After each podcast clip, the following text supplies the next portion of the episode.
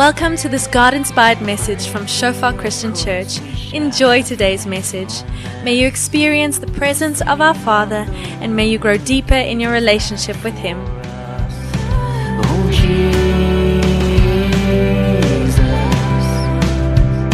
your love overruns. Vir die van julle wat my nie ken nie, my naam is Wian en uh ek gaan vir ons die preek behartig. Ek gaan hom probeer kort hou. Was al 'n lang oggend vanoggend, maar ek kan niks beloof nie. Maar ek kan dalk sê, jy weet, julle het nou 'n opsie. Ons kan dalk vote. Jy weet uh WhatsApp en mos 'n nuwe ding uitgebring waar jy 'n voice note kan luister op 1.5 spoed of 2 spoed. So ek ek seker julle luister nie my goed op 1.5 en 2 nie. Julle tyd vir my mos. Julle gee om vir my. Julle julle is daar vir my. Maar kom ons kyk dit gou so. Wie is die 1.5 mense met die voice notes? 1.5s. Okay, 2s. Vir die 2s kyk daar agter. Okay, wie luister hom op sy normale spoed? Skus, julle is nog te veel mense wat hom op normale spoed luister. Anders het ek nog net gesê welkom hier so volgende julle ons gaan 'n bietjie praat oor lewende water en ewige voedsel en uh, julle moet nou 'n bietjie vashou want op vandag ons nog wel vinnig wees. Great julle. Maar voordat ek te veel grappe maak, kom ek bid vir ons en dan skop ons af. Ja Here, dankie vir u goedheid Vader, dankie vir u woord Here. En dankie vir vanoggend Vader. Ja, mag ons 'n mens wees Here wat altyd honger en dors na u Vader en nooit genoeg kan kry Vader van u teenwoordigheid Here om u naam te kan oplig Vader, om u te kan verheerlik Vader. Ja, dank, dankie vir die liggaam Here wat ons vanoggend kan sien Here elke gedeelte Vader, elke liggaam wat werk soos wat dit moet Here. Elke gedeelte wat 'n gawe bring en 'n woord bring Here. En mag ons oral waar ons gaan, Vader, dieselfde mentaliteit, Here, dat ons nie net iewers is om te ontvang, Here, maar ook om te gee, Here. Die gawes wat U in ons lewens gesit het om mense te bedien, Here. En ek kom bid, Vader, dat volgens se woord nie net kennis sal wees nie, Here, maar dat oortuiging sal vorm. Conviction, Here, dat ons sal lewe volgens U woord in Jesus naam. Amen. Welkom ook vir die oor Zoom. Ons het nou vanoggend spesiaal weer allerlei hoepels deurgespring om vir julle ook dit gemaklik te maak daar by die huis. As jy in isolasie is, as jy siek is, ons bid vir julle en ek hoop die van julle wat saam met man en vrou by die huis in isolasie is dat die verhoudingsmaand wat deur ons gewerk het 'n bietjie beter kondisies by die huis veroorsaak. Jy weet, dis mos 'n lekker ding as jy verhoudingsmaand deur is en dan ewesklik moet jy isoleer en jy bietjie tyd om daai woord in aksie te sit, om bietjie te oefen. Wat ons geleer het, so ek hoop julle oefen lekker. En julle geniet dit daar by die huis.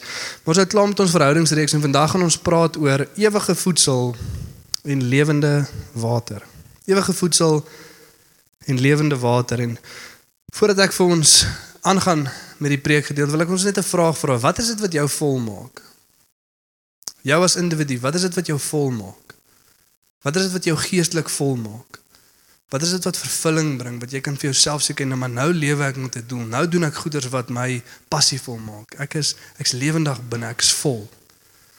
Jy hoor as 'n storie van die een oom se pa het 'n groot hart gehad vir jeugbediening, maar het op die skepe gewerk en het regtig gesê hy hou glad nie daarvan nie. Dis baie harde werk, is moeilike werk. En dit put hom bietjie uit en dan 5 uur as hy van die werk af kom, dan gaan hy na die jeugbediening toe en dan sy tot die aand 9 uur daar besig en dan kom hy by die huis en dan sê hy I'm empty full. Ek's leegvol, ek's fisies moeg. Maar die bediening met die jeug maak my so vol. Ek's besig om te doen wat ek veronderstel is om te doen, daai gevoel. Wat maak jou vol? Wat maak jou geestelik vol?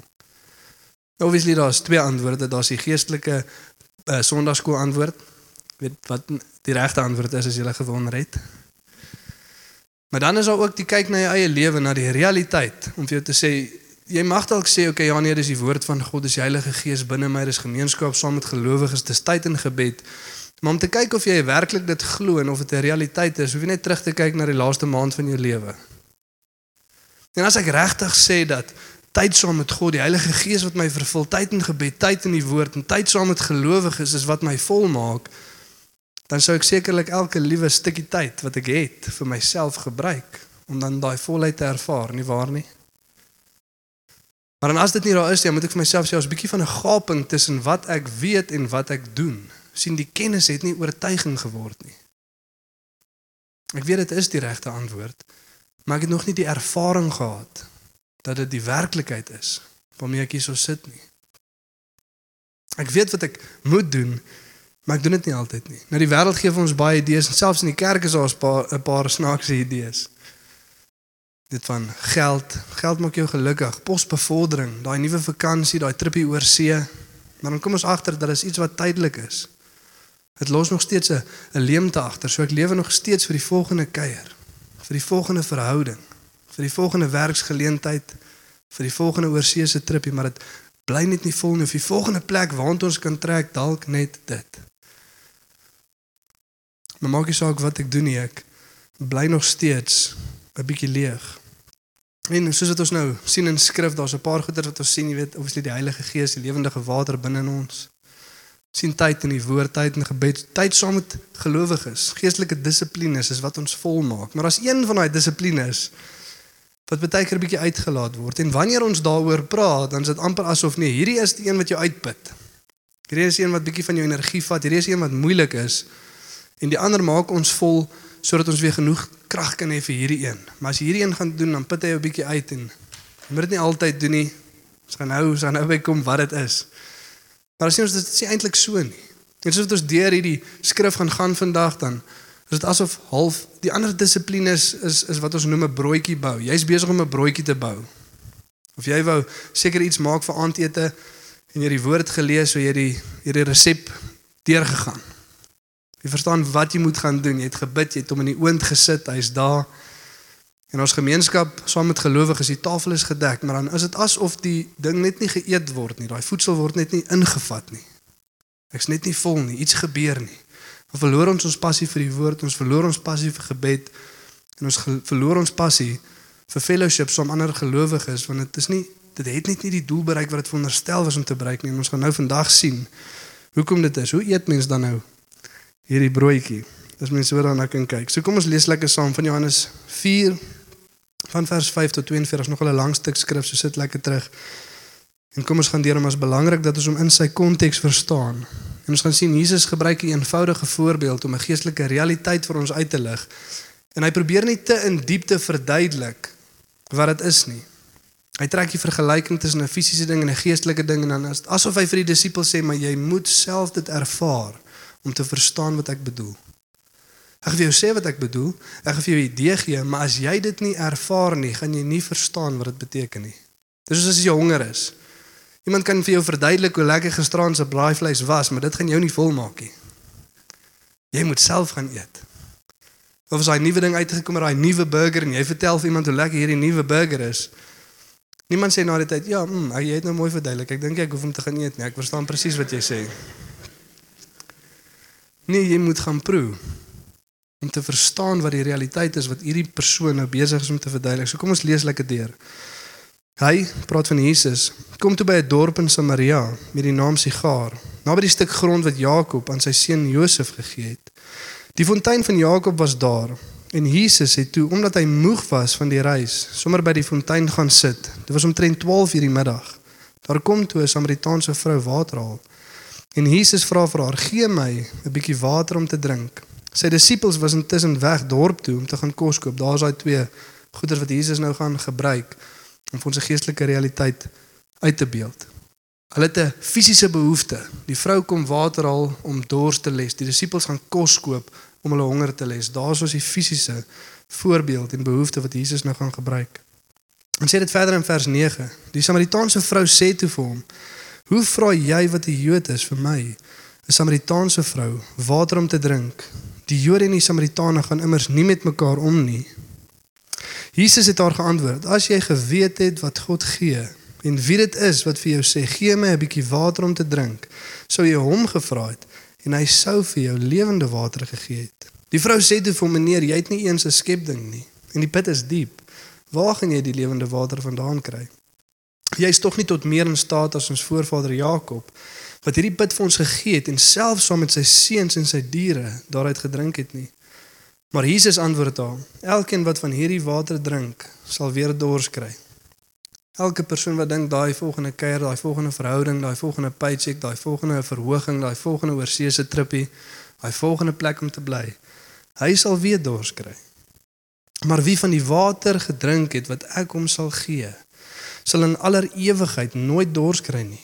Nee, die water wat ek hom sal gee sal in hom 'n fontein wees wat wa wat met water wat opborrel en vir hom die ewige lewe gee. Die vrou het vir hom gesê: "Meneer, gee vir my van daardie water sodat ek nie weer dors sal kry en hier hoef te kom water haal nie." Hy sê toe vir haar: "Gaan roep jou man en kom terug hierheen." Die vrou het hom geantwoord: "Ek het nie 'n man nie." En Jesus sê vir haar: "Dis reg wat jy nou gesê het. Ek het nie 'n man nie. Jy het reeds 5 gehad en die een wat jy nou het is nie jou man nie. Jy het die waarheid gepraat." Die vrou het vir hom gesê: "Meneer, ek sien dat u 'n profeet is." En let op wat die vrou hierso doen. Sy gebruik tradisie en dooie godsdiens om van die punt af te kom. Sy sien Jesus weet wat in haar lewe aangaan. Sy sien Jesus weet waarmee sy besig is en sy wil dit bietjie wegsteek soos sy gooi godsdiens, dooie godsdiens vir Jesus se deur. Nee, ek is mos 'n Christen. Ek was gedoop toe ek klein was. My ma het my kerk toe gevat. Ek het sonndagskool gedoen. Moenie dit vandag doen. As God met jou werkie. Ons voorouers het God op hierdie berg aanbid. En tog sê hulle die plek waar 'n mens God moet aanbid is in Jerusalem. Jesus sê toe vra: "Glo my mevrou, daar kom 'n tyd wanneer jy die Vader nie op hierdie berg en ook nie in Jerusalem sal aanbid nie.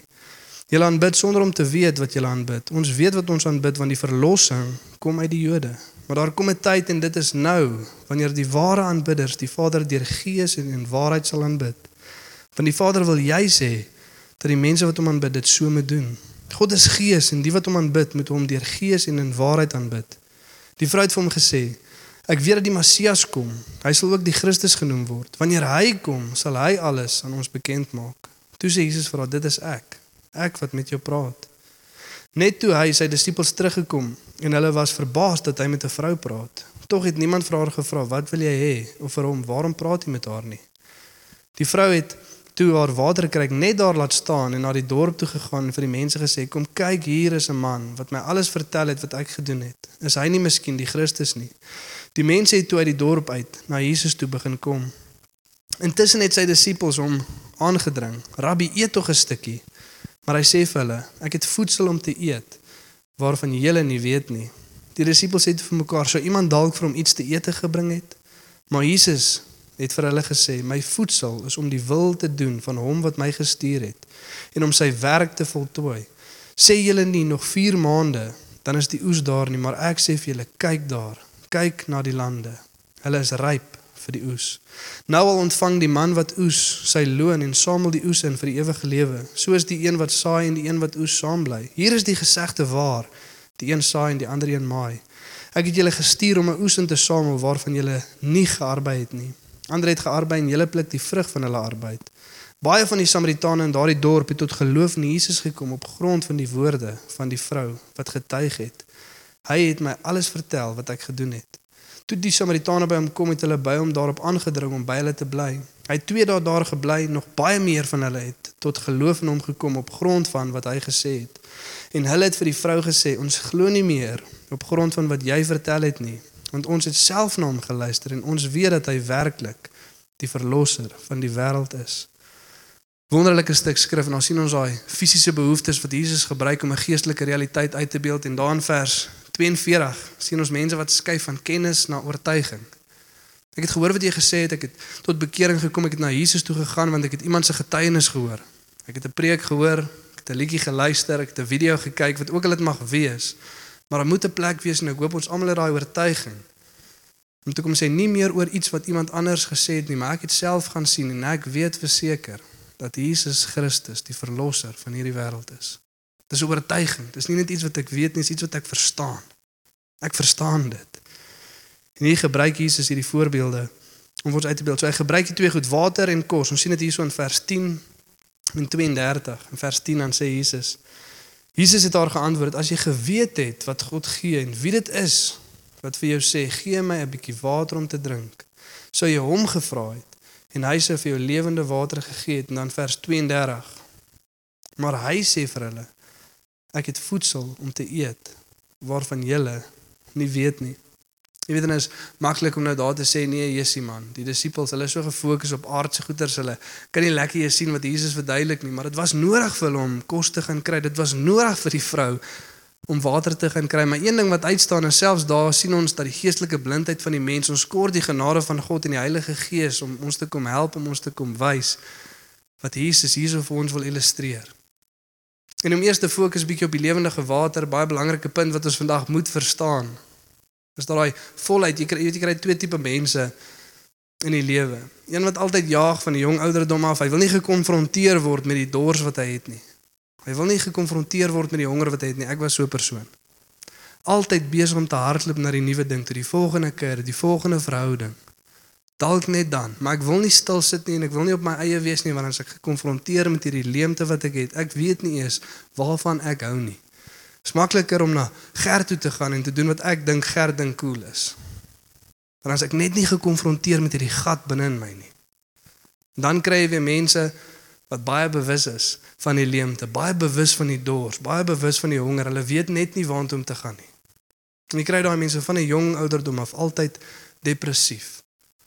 Altyd hartseer. Altyd hierdie idee van opgee. Nee, dit maak nie sin nie. Nee, ek wil dit nie meer doen nie want hulle is so bewus van die gat. So bewus van die leemte. So bewus van iets wat hulle kort, maar hulle weet net nie dat Jesus dit vir hulle bied nie. Hulle weet net nie waarom dit te kry nie. Daar waar jy sit wil ek jou ook die vraag vra. Wat sien is jy of wat sien was jy? Was jy die een wat altyd gehardloop het verby die probleem? Was jy die een wat altyd bewus was van die probleem, maar net nooit geweet het waarom dit te kry nie? Jesus sê net soos wat ons fisies honger word, net soos wat ons geestelik honger word, so is daai leemte daar. Maar die enigste ding is die geestelike leemte en die emosionele leemte is nie veronderstel om elke nou en dan uitgeput te word nie. Jy's nie veronderstel om elke nou en dan weer honger te word nie. En ek wil vir jou vra vandag daar waar jy sit, is jy elke nou en dan geestelik weer honger?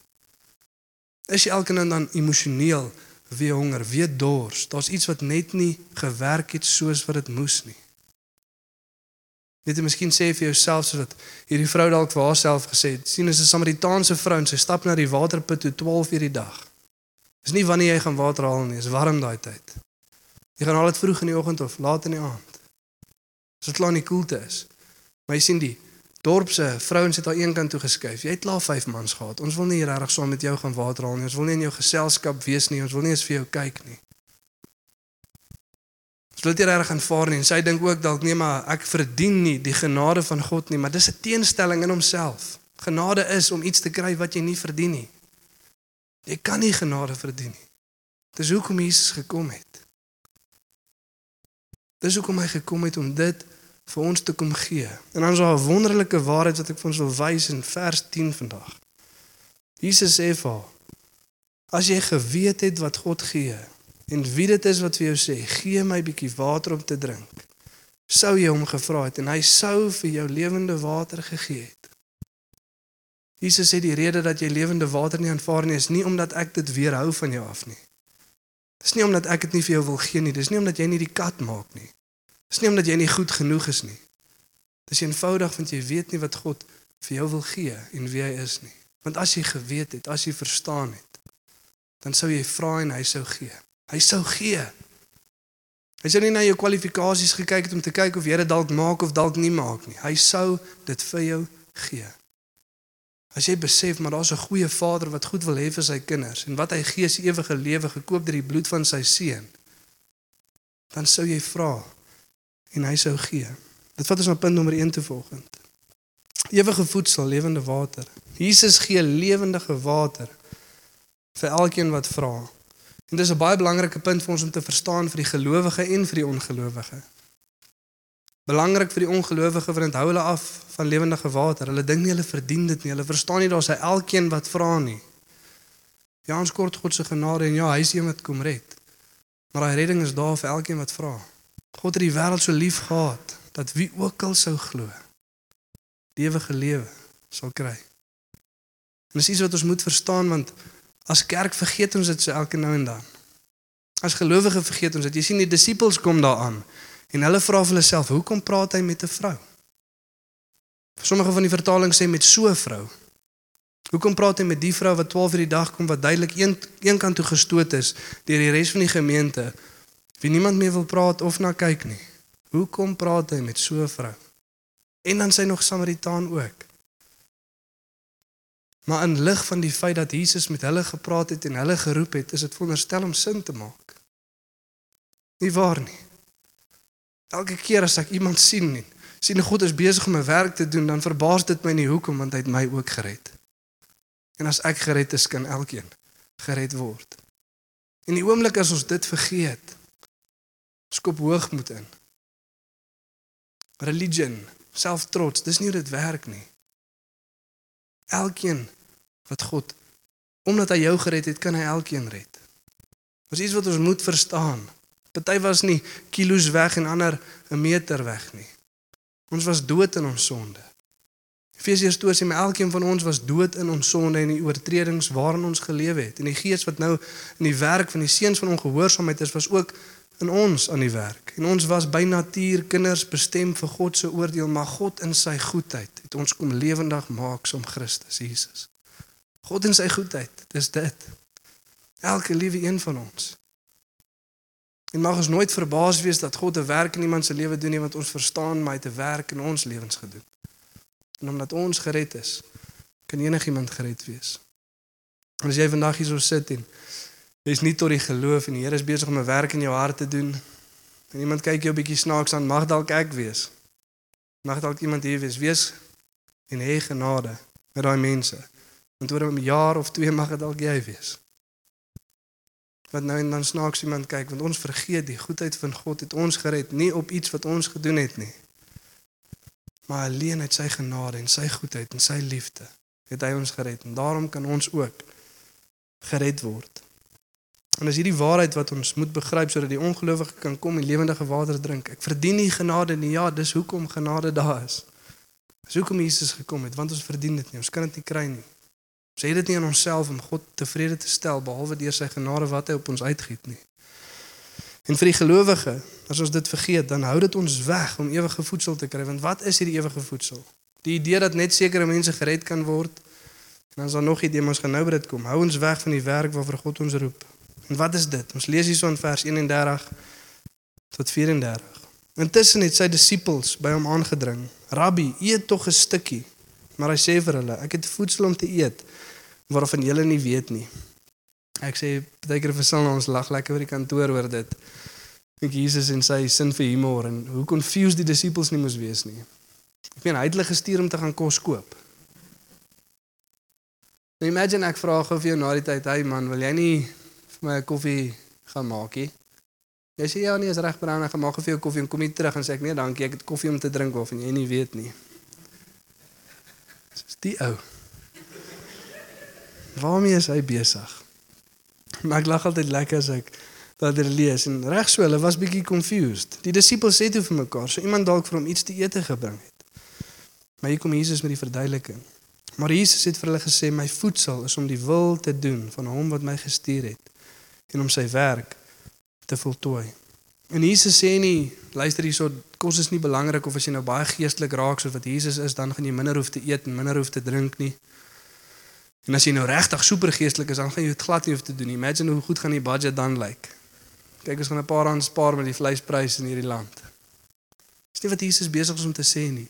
Maar hy sê dieselfde manier hoe daai kos en water my honger les en my dors les, is daar iets wat ek nou besig is om te doen en wat ek nou ervaar het wat my volmaak op 'n manier wat ek nie aan jou kan beskryf nie. Daar's iets wat my volmaak, daar's iets wat my bly maak. En ek wil hê jy moet dit ook ervaar en hy sê vir die disippels, kyk ek gebruik hierdie voorbeeld om vir jou 'n idee uit te lig, maar jy moet self eet om te verstaan wat ek vir jou verduidelik. Jy moet self doen. En hier kom die verduideliking en die uitnodiging van Jesus.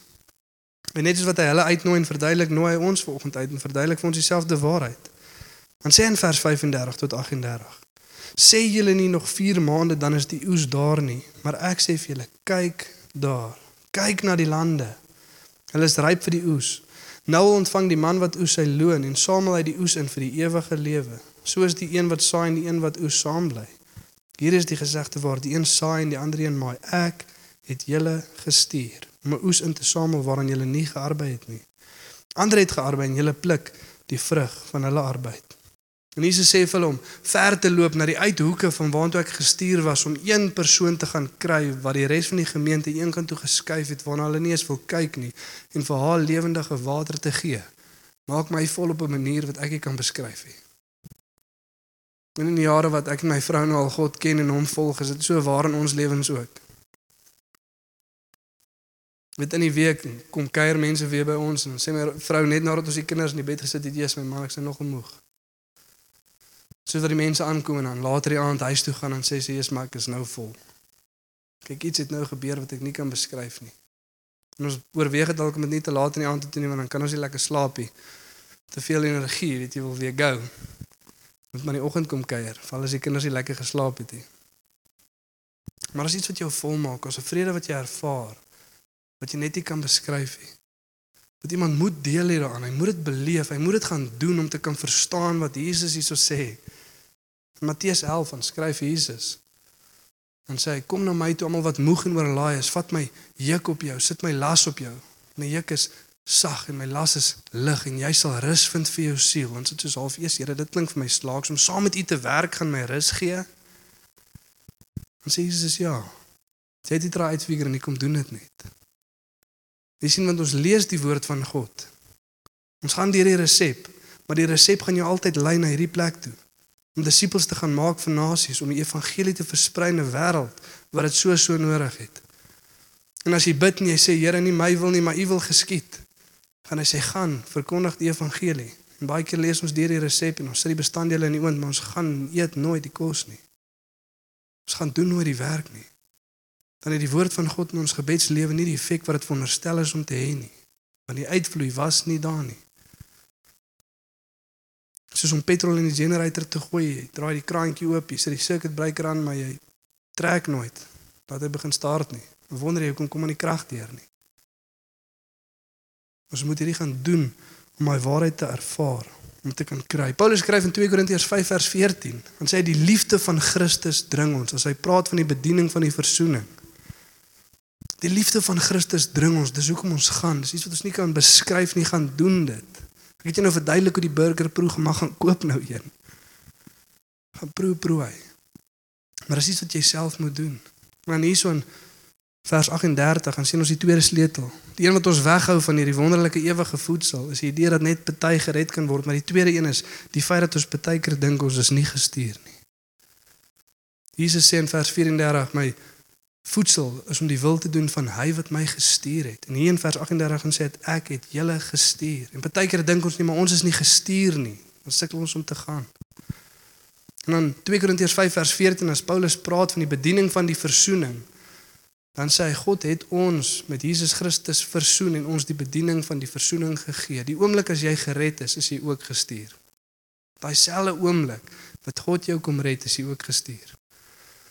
4 weke terug praat ek met 'n koppel in ons kerk tot bekering gekom. Hulle is nou in ons kerk was toe nie tot bekering gekom en een van hulle sê ek is nog nie lekker seker wat om vir mense te sê as hulle nou vir my gaan kom vra vra nie en of ek's nog nie lekker seker hoe om te gaan en die evangelie te gaan versprei nie. En die snaakse ding is niemand het vir haar gesê sy moet dit doen nie. Daar's 'n inherente besef dat ek is geroep om hierdie boodskap te gaan uitdra sonder dat enigiemand dit vir my hoef te sê, sonder dat ek hoef te lees. Maar ek verstaan dat ek geroep is om vir hierdie wêreld iets van Christus te gaan verkondig. Dis iets wat ek verstaan nie binne in my. En ek seker as ons almal stil raak en tot God nader is, daai besef daar is iets wat ons verstaan. Partykeer vir ons ongemaklik, ons voel partykeer ons is dalk nie bekwam vir die taak nie, ons dalk bietjie bang oor wat mense gaan dink, sê of voel. Maar ons verstaan ons is geroep om te gaan. En die oomblik as ons verstaan maar God het my gestuur en dat enigiemand gered kan word, dan gaan ons om te gaan doen wat God ons geroep het om te doen. Dit vat ons na die laaste punt toe. Ewige voedsel, lewende water. Ons voedsel is om vir almal wat dors is te verkondig dat lewende water in Jesus alleen gevind word. Ons voedsel is om vir almal wat dors is te verkondig dat lewende water in Jesus alleen gevind word. Jy het die Samaritaanse vrou een gesprek met Jesus gevat om albei te besef en te beleef. Haar een gesprek met Jesus toe sien sy daai lewendige water in vers 28 en sê dit sy het al waterkruike daar laat staan. Daar gaan sy na die dorp toe om die mense te gaan vertel van Jesus. En in een gesprek ervaar sy lewendige water en ewige voedsel. En soos Jesus, daar's ietsie wat gou-gou vir my belangriker is as die dors wat ek het. Maar daar's 'n geestelike honger binne in my en ek verstaan dat dit gevul kan word. En as sy na die mense toe gaan en vir hulle sê, is hy nie dalk die Christus nie. Is dit nie omdat sy nie dieselfde oortuiging het nie, maar klaar sy wysheid rondom hoe sy mense wil bereik. Jy sien sy was 'n vrou en in die kultuur van die dag het vrouens nie baie aansien gehad nie. Nie net was sy 'n vrou nie, maar sy was 'n vrou wat al 5 mans gehad het en eenkant toe geskuif is deur die gemeenskap. So as sy hulle gaan sê, "Kyk, ek het die Christus gekry," dan sal hulle vir haar gesê het, "Nee, hoe sou jy die Christus kry?" En dadelik het sy ewen wysheid oor hoe sy die mense bereik en sy sê vir hulle, "Wil julle nie in julle wysheid kom kyk of hierdie nie dalk die Christus is nie?" Maar sy weet. En as jy sukkel en nie weet waar om te begin, jy begin waar die vrou begin het. Nooi mense uit, kom kyk. Kom hoor, kom sien, kom lees. Kom hê deel. En kom kyk vir jouself of hierdie nie die Christus is nie. Is hierdie nie dalk die verlosser van die wêreld nie? Want ek verstaan jy het 'n soeke na iets binne in jou. En ek kan jou beloof dat hier het ons dit gekry. Sy naam is Jesus. Kom ons staan vanoggend op en dan bid ons lekker saam.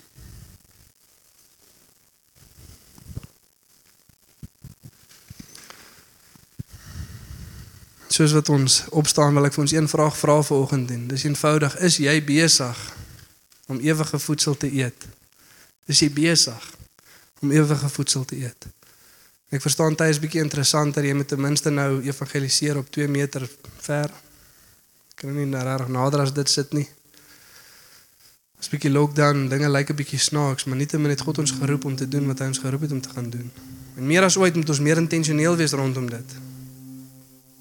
Ruk terug gaan eet ek lunch met een van my ou skoolvriende in die dorp, by daai spar in die dorp en ek sê vir hom, "Jessie, ek was 'n jaar laas hier aan die ander kant van die dorp. Ons bly in Sekuna, is nie Joburg nie." En lockdown het ons geleer om bietjie terug te trek, om bietjie te isoleer, om bietjie eenkant te wees, maar God sê vir ons, "Kyk, lig op jou oë, kyk." Die oes is gereed. Partykeer dan verloor ons daai compassion wat ons kyk nie. Matteus 9 dan sê dit en toe Jesus die skare sien, toe het hy innige meegevoel. Toe hy sien en hy roep ons, lig op jou oë, kyk, sien.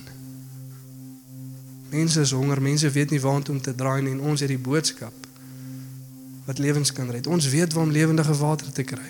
Die een persoon sê die roeping wat God vir ons gegee het as Christene is basies een bedelaar wat vir 'n ander bedelaar sê waar hy brood gekry het. Dis dit. Hey, ek weet jy's ook honger want ek was ook, maar kom ek vat jou na die plek toe waar ek voedsel ontvang het. Omdat ek gered is kan almal gered wees. En omdat ek gered is, is ek ook gestuur. Kom ons bid volgens saam. Ja Here, dankie dat ons vanoggend ons harte na U toe kan kom oplig, Vader. En eerstens vir kom dankie, Here. Dankie vir U genade, Here, dat U kom red. En ons besef, Here, dat op een of ander manier, Here, was ons ook daai vrou wat in die middel van die dag op ons eie iewers heen wou gaan, Here, want ons is skaam van die goed wat gebeur het in ons lewe, Here, die manier hoe ons dink, Vader. En erger selfs, Here, baie keer het ons gedink ons was nooit daai vrou nie, Here, wat 'n hoogmoed, Here, wat 'n trots. Ons vra dat Here dit U dit kom afbreek in ons lewens, Vader. En ons weet Here dat die koning van hierdie wêreld, die redder, ook eenkant gaan sit het om met ons te kom praat en vir ons te kom verduidelik dat daar lewendige water gevind is in Jesus Christus. En Here, ek kom bid vir ons as 'n kerk, Vader, dat dit nie kennis sal wees nie, maar oortuiging sal wees. Dat ons ook sal kan sê, ja, iemand anders het dalk gepreek, iemand anders het dalk 'n boek geskryf, iemand anders het dalk 'n liedjie gesing. En dit het my laat glo, maar ek glo nie meer oor wat hulle gesê het nie, maar ek het self gesien dat Jesus Christus die redder van hierdie wêreld is.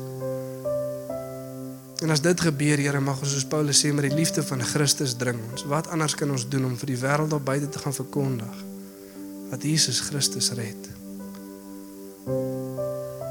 En saam met dit sê ons nie Here ons gaan nie hartseer ervaar nie. Saam met dit sê ons nie ons gaan nie deur moeilike tye gaan nie. Maar een ding wat ons wel weet is Here dat niemand daai lewendige water van ons kan wegvat nie. Niemand daai oes wat ons insamel vir ewigheid kan wegvat nie, Here. Maar dit sal vir altyd bly staan, Here. En ons sal vir ewigheid U ken en by U wees. En ons sien uit na daai dag, Here, wat elke traan gaan kom wegvee. Waar siekte en dood nie meer sal wees nie. Maar tot dan toe, Here, sal ons gaan en aan hierdie wêreld verkondig dat Jesus Christus die redder van hierdie wêreld is. Ek kom bid Here vir elkeen wat moeg en oorlaai is vandag, Here. Sê die antwoord is nie om te gaan sit en niks doen nie, maar die antwoord is om Jesus se juk op jou skouers te vat. Om sy las op jou rug te dra en te doen wat hy jou geroep het om te doen, want daar sal jy rus vir jou siel vind. Dankie Here dat ons weet U is 'n goeie Vader. Dankie Jesus vir U voorbeeld wat U vir ons gestel het. Daar jy staan as jy net weer vandag vir vir God wil sê Here, eerstens ek repent Here, ek vra om vergifnis Vader dat ek my selfsug en my eie goed vasgevang was Here en nooit uitgegaan het om vir die wêreld daar buite te gaan verkondig dat U red nie Here. Wil ek vandag vir U sê Here, Ek is reg om my ewige voedsel te beleef. Ek kyk Here, ek sien Here, stuur my. As daai jy is net daar waar jy staan, wil jy net jou hart oplig na God toe nie. En as jy vanoggend hier so is en jy voel soos daai vrou, nie waardig genoeg om God se genade te verdien nie. Kom sê God vandag vir jou dit is juis hoekom sy genade daar is, want nie een van ons verdien dit nie. Jy is nie te ver nie. Die feit dat jy hier so staan vanoggend en hierdie woorde hoor, is dit so goed soos God wat self vir jou sê, wil jy nie vir my vra om vir jou lewendige water te gee nie, want dit is die woord van God wat dit sê, nie ek nie. En as jy nog nooit daai lewendige water ervaar het nie, wil jy net daar waar jy staan jou hart oplig na God en vir die Here vra, Here, kom gee my daai lewendige water nie.